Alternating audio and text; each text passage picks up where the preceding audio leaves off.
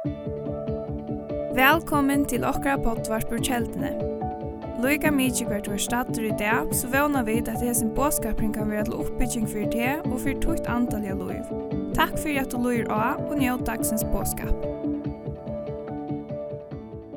Onkur vil være vi at uh, heile anden til å ta mest forsømte personen og gjøre noen kyrkjesøvne.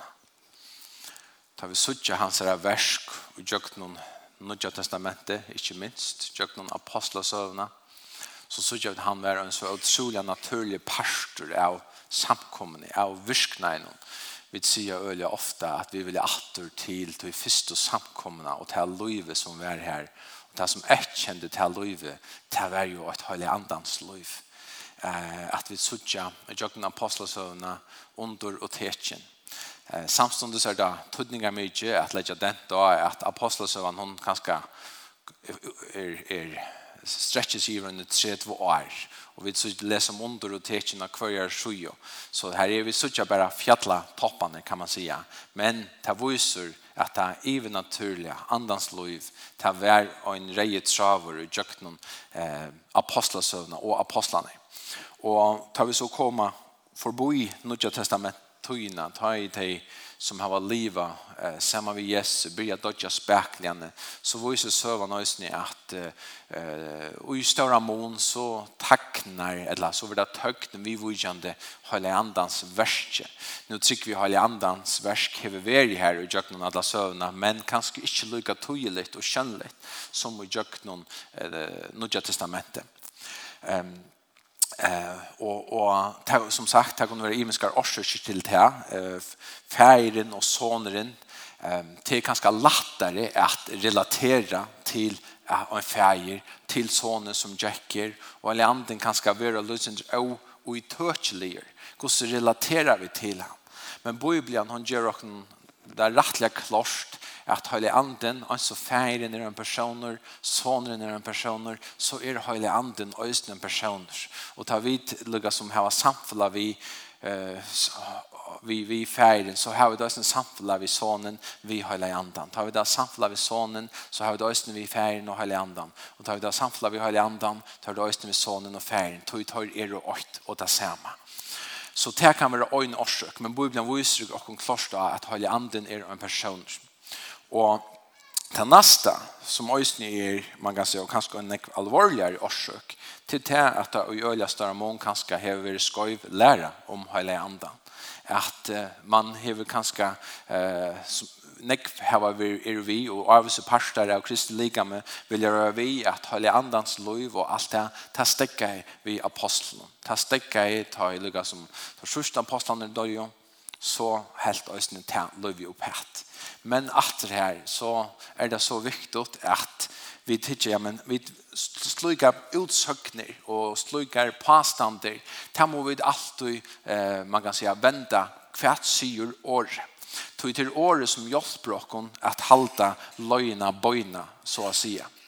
Ehm det var i jöknon året att Martin Luther kom till det samföring att du behövs inte att kjeba det eller betala det till frälsning Nei, tu erst frelstur av nei. Tu erst rattvistgjørtur av trygg. Det var det som han oppdia i, da han les og granska i Guds år. Han fører til året, og det førte til øyne reformasjon. Det er en verre og kyrkjesøvne, ta i det ble gjørst opp vi, og vi pjøs ikke av at offre og betale for at vi er gøy nok til at bli frelst. Vi er frelst av nøye. Og man kan si at her er et åren, reformasjonene, trobøtene, 1516, og tror at 18. Og vi så oss en avløngene av tog. Men før vi da løte synder langt fram, og under 400 år frem at sett, så har vi jo det som øyder kvidesene og vetjengen, eller det som fødte kvidesene fram. Og ta var det en maur som heter Charles F. Parham, um, og en amerikanare som øysne og gjøk noen år. Han har uh, lise og ber knapplega suttje. Han får studere apostlasøna. Ja, men hallo, høyla i anden. Hva er du? Hvor suttje vil ikke høyla i anden i det? Ja, men Ta stender her i åren at hele anden fattler av. Han kom i ved deg, og det blir av at ta seg noen. Og det fører det seg han blir prætika detta. En ungur mäver, en litter mäver som heter eh, William Seymour. Han var vi til at eh, at lukka som man sier at Param, han var papen at kvudde sånne rørslene, men, men Seymour, det var han som førte det ut og i versk. Kvudde det? Jo, tog det for atter til året. Tog for hokt tog jeg, men hva sier året om dette? det som er litt dett og i flere ølter knapplige fikk spyrer atter tog nekker tog i sakkoddene ur årene og byrja i lukka som er av deg, er handler på deg. Og knapplega hva hender? Jo en høyl nødt rørsla kom opp det som vi kjenner som kvudsen og rørsla. og man kan säga starskåte eh, man kan säga att det här var backastøtje og i vetjingen i Asosa Street og i 1906 kvui tui det var folk som fører inn og hukte kvært sier året om dette her. Og jeg halte at Kenneth Hagen han sier det så godt eh, og i en av bøkene jeg ser et løyde sitat han sier «Tess narre vid vera verande Guds åre tess bøynare kommer vid at vera og i ødlom som vi gjør» så vi må halda okkom nær at år. Og til øysten det samme til det kommer og til hele andan. Hele andans liv, hele andans gaver. så vi kunne ha en rikve av alle mulige møyningen og tanken. Men det er ikke ens betydende at tar tankene eller tar møyningen, tar standa mat vi tar som skriften legger ut for okkom. Og tog må vi avhandlande och vi kanske gjøre det för løyde det här må vi takke och jag knam barm. Men nu har vi gusche sett denne her månene att vi vill kvøyja kvojja her här til till kommer av du som praktika ver. Tryckvin kommer av du som praktika ver. Så tar vi tåsa om hela andans gaver. Så er det här näka som man kan säga vi utgrøyna i eh, 4 Korint 12. Og tar Paulus eh, tåsa til samkomna i Korint så kan man sutja at han han tåsar om av oss vidskifter. Og ta du leser til dømes den første parsen av braunen så adresserar han Imes som han er hørst. I høyre att det är flocka drottor i mittlen. I høyre att tickar i er är. I høyre mer fortalt så vi gjør noen av tingene som han har hørt, så har han tørva at nema vi noen konkret ting. Men så synes jeg vi øyne, eh, tar vi kommer langere inn i eh, 4 Korint, så kommer det uttrykk som «nu vi vujande». «Nu vi vujande någon «Nu vi vujande hinnon gav någon «Nu vi vujande eh, eh, vi vujande att äta offer som är eller kött offra till avgudar. Nu vi vi jam det sammanskott någon till det fatok och i Jerusalem. Ötles ger vi vujande. jam det. Hette er lukka som attorsvär og på spurningar som tei hava. Til han skriver tid det var skriva og i brevet tikkara, så til enda samkomman hei nekra spurningar. Og med til anna, i 4 Korint 12 så kjem det inna, Jo, det här nekra spurningar vi vujande tar man andalig og gaven. Og så er det så godt og oppmuntrande at lese i vers 8 her bort sier han, nu vi vujande hinon andalig og gavon. Ta griska ori er neumatikos, og det er bara vi vujande tui andaliga. Men vi sutja at det som kapitlen, han vet jo øyla nek andalig gavner. Så til en sentrale pastor. Så han sier, nu vi vujande hinon andalig og gavon brøver, øysne systrar, han tåsa til samkomna her, vil er ikkje at tid skulle være ovidande vi gjør noen, heter ikke noe som jeg vil skal fære dikken forboi. Jeg vil stekke av nu og en løte og opplyse dikken om de andalige tingene, de andalige gavene, hva det er for noe, hvordan det virker. Det var ganske hårst i mis, som man sier, florera. Det kan ha vært misbrukt. Vi vet ikke, men nu vil han lukka som, nå skulle det høre. Jeg vil at de skulle vite noe om dette her. Og så fer han vujare og forklarar og løyde synder. Og så kommer han til vers 6. Så sier han, men øynon og kvørjon, øynon og kvørjon verur oppenbering andans given til det som gaglet er. Og jo, her tror jeg ting kallet som er å stinga fram og i snir versen. Det første er øynon og kvørjon. Han stender ikke men profeten om, menn samkommeløyeren, men apostelen om, verur andans oppenbering given. Nei, men øynon og kvarjon. Hva skal snakk passa inn under dette uttalelse? Øtl. Øtl. Øynon og kvarjon verur åpenbering andans og det som han oppenberer. Hva er en oppenbering? Jo, en oppenbering, og i nekon enskon tog stendet det, manifestation, til nekka som manifesterer seg, nekka som viser seg, til nekka som har vært langt, til ikke lukka som haft, uh, ta fotla iverblikki fyrir du, men så først du en oppenbering av det.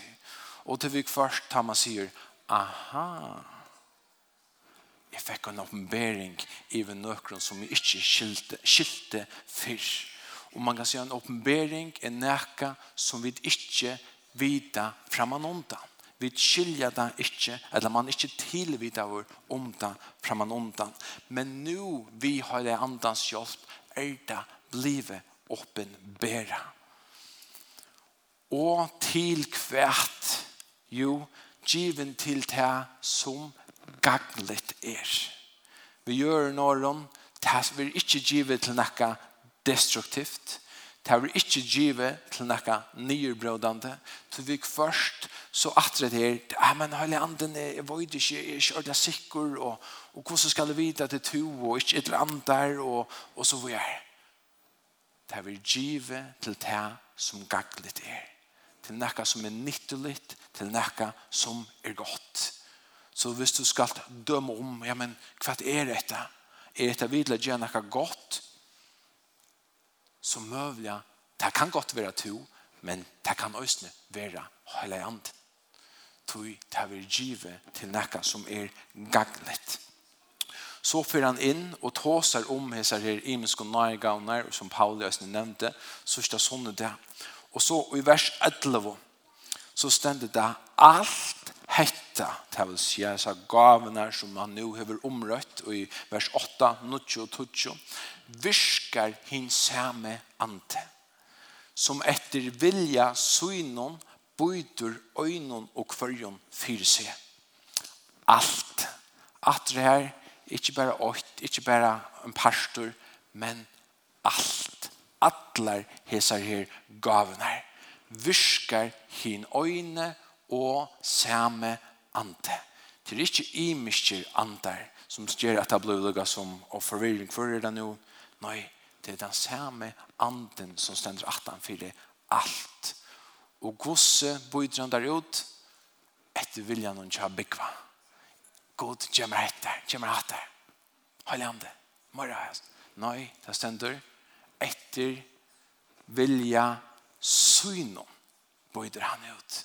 Tog han hever et endamal vi tog som han bøyder ut. Og så kommer det atter, øynene og kvørsjon. Ødl, tær og mer. To som åpnade, god, jeg vil være en kanal for det. To erst, man kan sige, god teaching til at, være, at han kan oppenbære sina gaver, at han kan manifestere sina gaver. Som han med landa gjør det bant nu vi nøkron kunnskapar åra. Og til ikkje tui at, og til viser, eller man kan säga, fører okkon atte til, og til som, som han, han sier i vers 6, at det er 100% hele anden som virker at han fire hette. Vi gjør noen vid, eller jeg kan ikkje teka ærena fire hette. Og det skulle bare vite med sånn der. Alle gavene er, er ånøyda. Oh, nei, hei ikke vi med å gjøre. Det var bæra hele anden og hans er kærløk. Vi først så vil det som vi vil område andans gaver som kærløksgaver. Tøy til et uttrykk av Guds kærløk kanalisera ut til mennesker. Tøy god vil kommunikere vi okkon og jøkken hessar her gavene. Han vil vise sin kærløyka. Her kan være kunnskaperår til grøying. Her kan være visdomsår innu og en avvisa støv og her som to skalt teka og en trobla avgjør. Det kan være en kraft der gjør et under ut av løyve som han viser i jøkken. Han manifesterer. Vi er og kanaler. Og tog kan man ikke si å oh, jo, jeg er her, han er gavan, hatt er min. Akkurat som en medalja. Kunnskaper til det Nummer 8.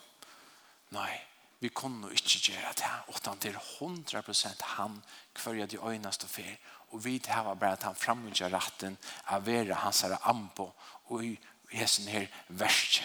Og til alt en framgjør retter til en oppmuntran å kunne bliva brukt. Og dra en stor glede. Vi er i 4 Korint så tåser han i kapitel 14 er han tåser om at stövne efter kärlegan. Traje efter hinnom andalige gamon. Helst efter att profetera. Atter her, han tåser ikkje vi nekra andalige elito. Han tåser ikkje vi nekra fa utvalgt, utan han tåser til ødelt stevne etter kærløkanon, traje etter hinnom andalige gaven. Hetta året eh, at troa til det griska året selo. Um, vi tar med landa silåtar eh, som omrött som en bölkor som bor ta och det var några olja bardar men några var olja agrutner och det där som ligger i sen här her här at att vara silo och silas av enskom att man är agruten ett man är ojen man hever en en eldhoa efter hästen här gav det är bara jag menar en ungur gjør noen unge og et dra, men ikke miskylda med skøft. En unge dronker som er forelskere. Han troer etter en agent. Og hvis han troer etter en agent, så stender han ikke bare her og han gjør noe. Han gjør alt for å få henne oppmerksomhet. Han gjør alt for å lukke som han vet hver hun er, og så videre. Han er avgrunnen, han er ugen. Og vi kunne ikke bare si andliga ganer. Ah, takk, Du kommer sikkert. Nei, han sier det på en trai etter deg. Vi är agruden. Vi är eld hoa om det. Och som du minnes illustrationerna som jag har i fyra öjna för när jeg här sig om just detta om min kära professor och och i Uppsala som som var løyere av av teologiska seminarien här han Da han var som man sier, han var en luthersk präster men da han så øyne fick en i uppfyllelsen här han var så passionerad och så eldhoaur att han kjøpte seg et bälte et ambosbälte og kordet det lukket som om mine. Hei, Jack innanfyr klæene lukket som alla stans som har man Jack. Hei, han heter ståra ambosbelti innanfyr. Tui god, djemare sier amboine, djemare sa gavnar, og ta mitt i han alla tuina a a vera eldhoaur, passioneraur, etter hesson gavnar. Og mine hans er akademiske hjerne, han är lengt, lengt längt förbi att är näkran du kommer att uppnå vad jag säger gör men hans här andalighet alltså sammen vi var otrolig jag har inte mött någon man som har varit så störst och i gav någon just som han. Kvid det tog han troa etter det och jag pratar inte bara ut dette nu, jeg prater ikke lykke nek til meg selv. at troa etter hinnon andalig og gaven Men så sier du kanskje, ah, jeg vet ikke ordentlig om etter en ekka for meg, altså, i dag best til det, stille rolle til vårs da, halvt ikke til ordentlig er, men lett dere lykke. bare underbygget og lykke sin til møyr, Lukas kapittel 11, og vers 11 til 13, stenda såløsner. Hver tikkara som er fægir for at geva synes og innan støyn ta han byr om brei, Eller ta han byr om fisk, geva honom orm og stein for fisken, etla ta han byr med om egg, geva honom skorpion. Vida no tid som ønd er, at djeva bøtnen tikkara gaua gaver, kvosse mykje møyre skal ta færen av himle djeva tøymon høyle andan som vi han. Takk for hjertet, amen. Kvosse mykje møyra skal færna av himmelen djeva tøymon høyle andan som vi han. Marskos 16 sier som Carl Gustav, yes, kjem kjøtt, man skundar meg prætka. Og hese tekjen skulle fylja tøymon i tryggvann. Hvordan jeg trykker vi inn her? Halleluja, det er flest. Og i navnet munnen skulle de rekka ut et eller annet. De skulle tale vi nødgjom tunkom. Hese tekjen skulle fylja tøymon og utsikva. De skulle tala vi nødgjom tunkom. Er det en tryggvande, så kan du tala i tunkom. Jeg sier, om du er en tryggande, så kan du tala i tungen. Det er ikke så løsner at han god nøyer hette i det, men det er spørningen, vil du ha det? Det er fullstendig opp til tøy. To bestemmer. Apostelsøvann 2, 8, 4. Det klassiske kvide som nå skriftsteg. Vers 4. Og de var og ødel fyllt av høyla i andan. Ødel Hvordan jeg var her? Det var 120 folk. Bæge kvinner og menn. Ikke bare menn. Hette røysene for kvinner. Alla koner sa då. det var vanligt amen. Alla koner sa då. Ja, tack. Och det var öll fyllt av hela andan. Och för att tale under det tunkomal. Öll. sier säger öll. Halleluja. Og her sutja vi jo nekka nøyt. Vi sutja en samanheng mittlen her, ta i halei anden fødler, så er det naturligt urslid av tog at du byrjar at tåsa og i tungkom. Hette man ikke fram til nu og i skriftene. Ta i halei anden fall, og et naturligt tekin på at jeg, at halei anden var fall nivå av menneska, ta var det at jeg tala i og bæ og nødjon tungkom. Fremmande tungkom. Tungkomalen som to ikke sjolver skiler, Men det kan være at ånder skiljer det. Tog det stå her på ikke, knapt knappelig her var folk, vi berger medar, eller mittar, og Mesopotamia, Judea, og ødeles imisko, De er tåsa og maler til at høymen som var til stier. Hvordan kunne det til? Tog det var et ivenaturlig mal. Tala og fire god. Og hva er så vevren inn i det Hva er vevren inn i dette flået? Jo, det er just dette her andans avfittling. Vi sutja hvordan lærersveinene er hendene her, hvor det sånne dagen, hvordan det tar måttog og heter her. Vi ser jo Peter som, som nekker fjørte der, eller alt trus her fremme nåntan, hei er nok da Jesus, så utrolig grått og størst, og vær under djupast og djupast og djupast og fordøming. Men Jesus opprettet i ham, og nå kom Heileanden i hverandre, og hva gjør han? han ställde seg fram. Nej tid! Men i Jerusalem. Hette bärs tøymen av denon. Hese menn er ikke drukner av vøyne. Nei, til er som skriva av Joel profete. Hette profetie som kommer fram om at anden skal falla vår alt holdt. Og det er det som gikk ut. Det tok seg uttrykk rettelig stått litt for disse menneskene, til det hele det var stått litt, var det inte alla tragisk, i andre bak bagos man ser på det. Men det var gusje sådant at det brøtte, tar över matta drastiskt. Det var hela anden som kom i över dig.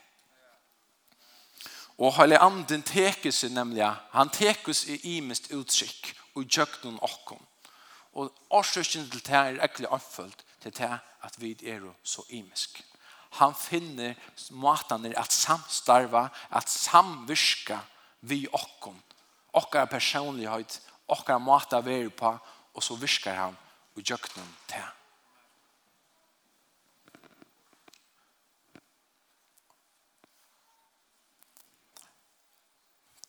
Tøyen renner oss det. Låsangeren kan godt komme opp. Jeg minnes ur min egna løyve, her hevda, Du kan få Heilig anden kan virke gav noen til tun kjolls. Du kan få nekka til tun kjolvan, men du kan nøysene få det til andre mennesker.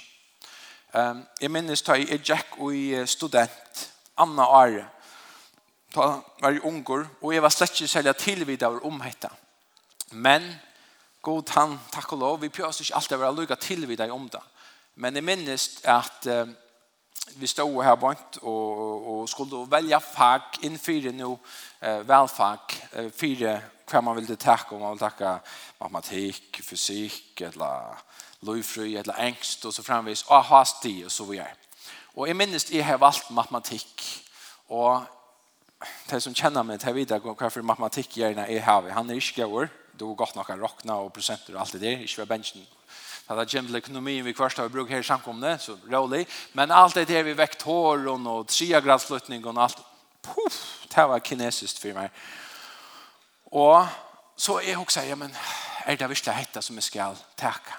Så knappt jeg, jeg minnes akkurat hver jeg stod, og i gansjene, ja, men så kom tanken, hvert nu visse god kattler meg til akkurat engsttalande land. Så burde du ha engst og engst engstod i nesten verre enn matematikk ta.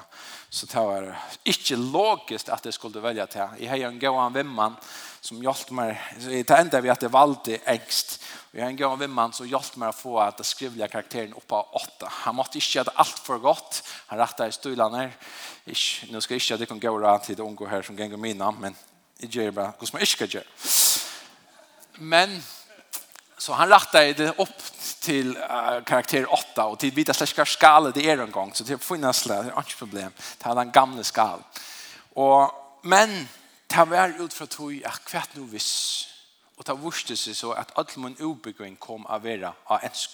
Och är pressar mig jöknon men så gärna klarar jag att fullföra och jag är ju nekon ens talan London och pratika evangeliet. Man kan säga att visdomstal, en visdomstala. Jag visste inte vad som är framtid kommer men här kommer ett år väl ängst så du kan göra det bättre för en fyra till som bojar långre fram i alöjne. Ta suttje nu backspegeln. Det minns tar vi var i Vietnam och praktika evangeliet så hade vi förbund og så kommer en, en kvinna fram til forbund. Og jeg visste ikke hva jeg skulle bya for disse kvinnene. Uh, Men så får jeg en tanke og sier klemmene. Og de som kjenner at han denne kulturen, så klemmer en fremmede med og ikke en kvinne på handa maten. Eller, jeg gjør det ikke egentlig, men at jeg, at jeg klemmer igjen. Byr det ikke i morgen, ikke igjen, ok? Nei, at klemmene. Jeg fikk det. Jeg skulle bare klemme. Klemme jeg spekler, vanlig, så ikke for fast. Og jeg spurte først tolken om det var lei, og han hikker bare på meg. Ok, hvis det er det som du vil, gjør så vel. Ok, jeg gjør det. Da jeg blir klemmene. Jeg ber og en rikvo, men hendene her, hun bare knekker. Fullstendig. Og jeg bare, ok, så rann jeg knapt bare trøstene til. Kom bare, Ardan. hva var det? Jo, 18 av 20 mot 17 tar vi vår lia bia for falske, så kommer den der kvinnan fram og sier ut holdt år. Og etter en kvinna, hun var velgift, hun heida godt og løv noen, og, og alt som man sier er av mat der. Men hun sier jo et halvt år, så har vi bi om at onker skal klemme meg, ta det bia for meg, så vi kan oppleve Jesus kærlighet. Og for henne var det et kjempe. Og med vår ur følgen som bo og tar i Sverige, sende god til Vietnam, og klemme hese her kona som kunne oppleve Jesu kærleika. I mye måter hvordan det kan rikka opp på, og hva vi kunne gjøre. Jeg minnes øyne at, det kan godt bli å spille spekler, Kristian. Eh, minnes øyne, vi først, så vårt du skal du komme til, Onkel personer kan komme, og du vårt ikke hva du kommer. Men vi først, så kan hungeren tja hinum personen og østene utløse nekka fra tær. Så jeg tok oss her, og når jeg har følt det kommer frem til det er godt, men så knappelig så kommer anker, ja, bli bare for meg, eller bare bli, bli bare for meg. Så knappelig, pang, så bare utløses akkurat, og nu har jeg ikke spurt det, men jeg var i Rasmus, en brennende maur, sitter der oppe og soga til sønn. Men jeg minnes til fyrre i hesten i Arnon, så kom Rasmus bare fram av og møtte. Nei, jeg kunne ikke bare be for meg, jeg bare ha møys. Og han stedde seg her, og jeg følte bare gå seg anden, bare pum, bara kom i han og ta forløste nekka profetiskt og vi profeterar oss størst inn i hans liv og jeg tykker 100% at det her var urslet av hunger, og en hunger etter mer av godhet Og tog er det at man nå vil si om man har løtt då. Tog kanskje erst her, og du føler, åh, er det så torr? Vattnet her klarer ikke en gang, det var nye rymme så vil det bare opptidja kroppen til at det er så torr. Så kan du mulig at få en nødja avfittling. Her stendt såles när i Efesus brev kapittel 5, og vers 18. Drekje tykkun ikkje drutjen av vune, ui i tog i spittling når jeg lærte til å fytle av andan. Og da har jeg det, og kanskje har jeg det verset tusen fyrner, men det mest ikke at det ikke lukka satt hver jeg fyrner nær til det vi har sagt. Når jeg lærte til å fytle av hele andan. Lærte til å fytle av hele andan. Lærte til å fytle av hele andan. Det er tåser om nækka framhaldande, avhaldande. Ikke bare øyne for nær tog, som en kjente pastor i Houston her pleier å si, bleka søtla. Vi tar bruk for det, jeg blir fyllt reglelig. Takk for at, amen. Halleluja. Halleluja. Og til det som vi får gjøre nå her i morgen, vi vil gjøre det her mulighet.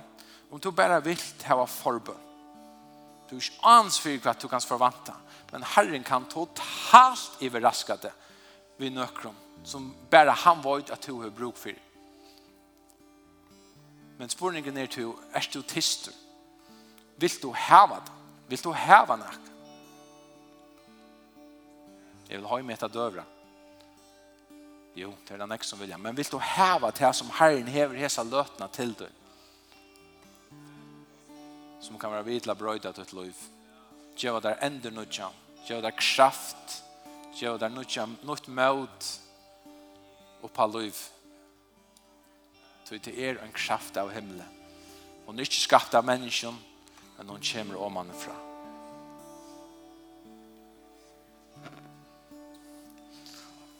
Og er du øyne her, og du hoksa, ja men jeg har ikke til vi har tagit ut honkom og så vad er, jeg har ikke til här vi fytlingen, jeg har ikke til vi har en annan stå men jeg var ikke en for at det er til, til sig snack forskjellige skälla år fyra men vi er du her, og du ikke har finnet etter jöknombrottet at tåsa ut honkom at bia ut honkom så kan det här være vara her i morgen. Därför är det att jag har gett en löjve och en annen dimensjon, det allra meste av tog som er feie, tar man färre kunnskaper år eller eh, profetisk år eller näka ta først fram vid här man byr i andan. Att tillägga som ingångsporsche in i andaliga ganar og det er for ødel. Det er ikke bare for øyn. Ikke nekker og nekker lite det er for ødel. Alt kunne virke i som vann det hvis man lærer seg å bruke det. Halleluja. Så vi får gjerne så løsene nå. Vi får røyse oss opp for å tilbe Herren sammen. Og og jeg sier troer atmosfæren er trygg ved virkelig i Herren. Han kommer å møte dere. Han har langt møtt mennesken. Men er du her og du vilt. Ikke press. Ikke følge noen fordøming hvis du ikke kommer Men hvis du vil, så er du velkommen, så ikke vi det at bare be for deg, letja hensene av til, og forløse det som Herren hever for til, til hese løtt. Amen. Halleluja.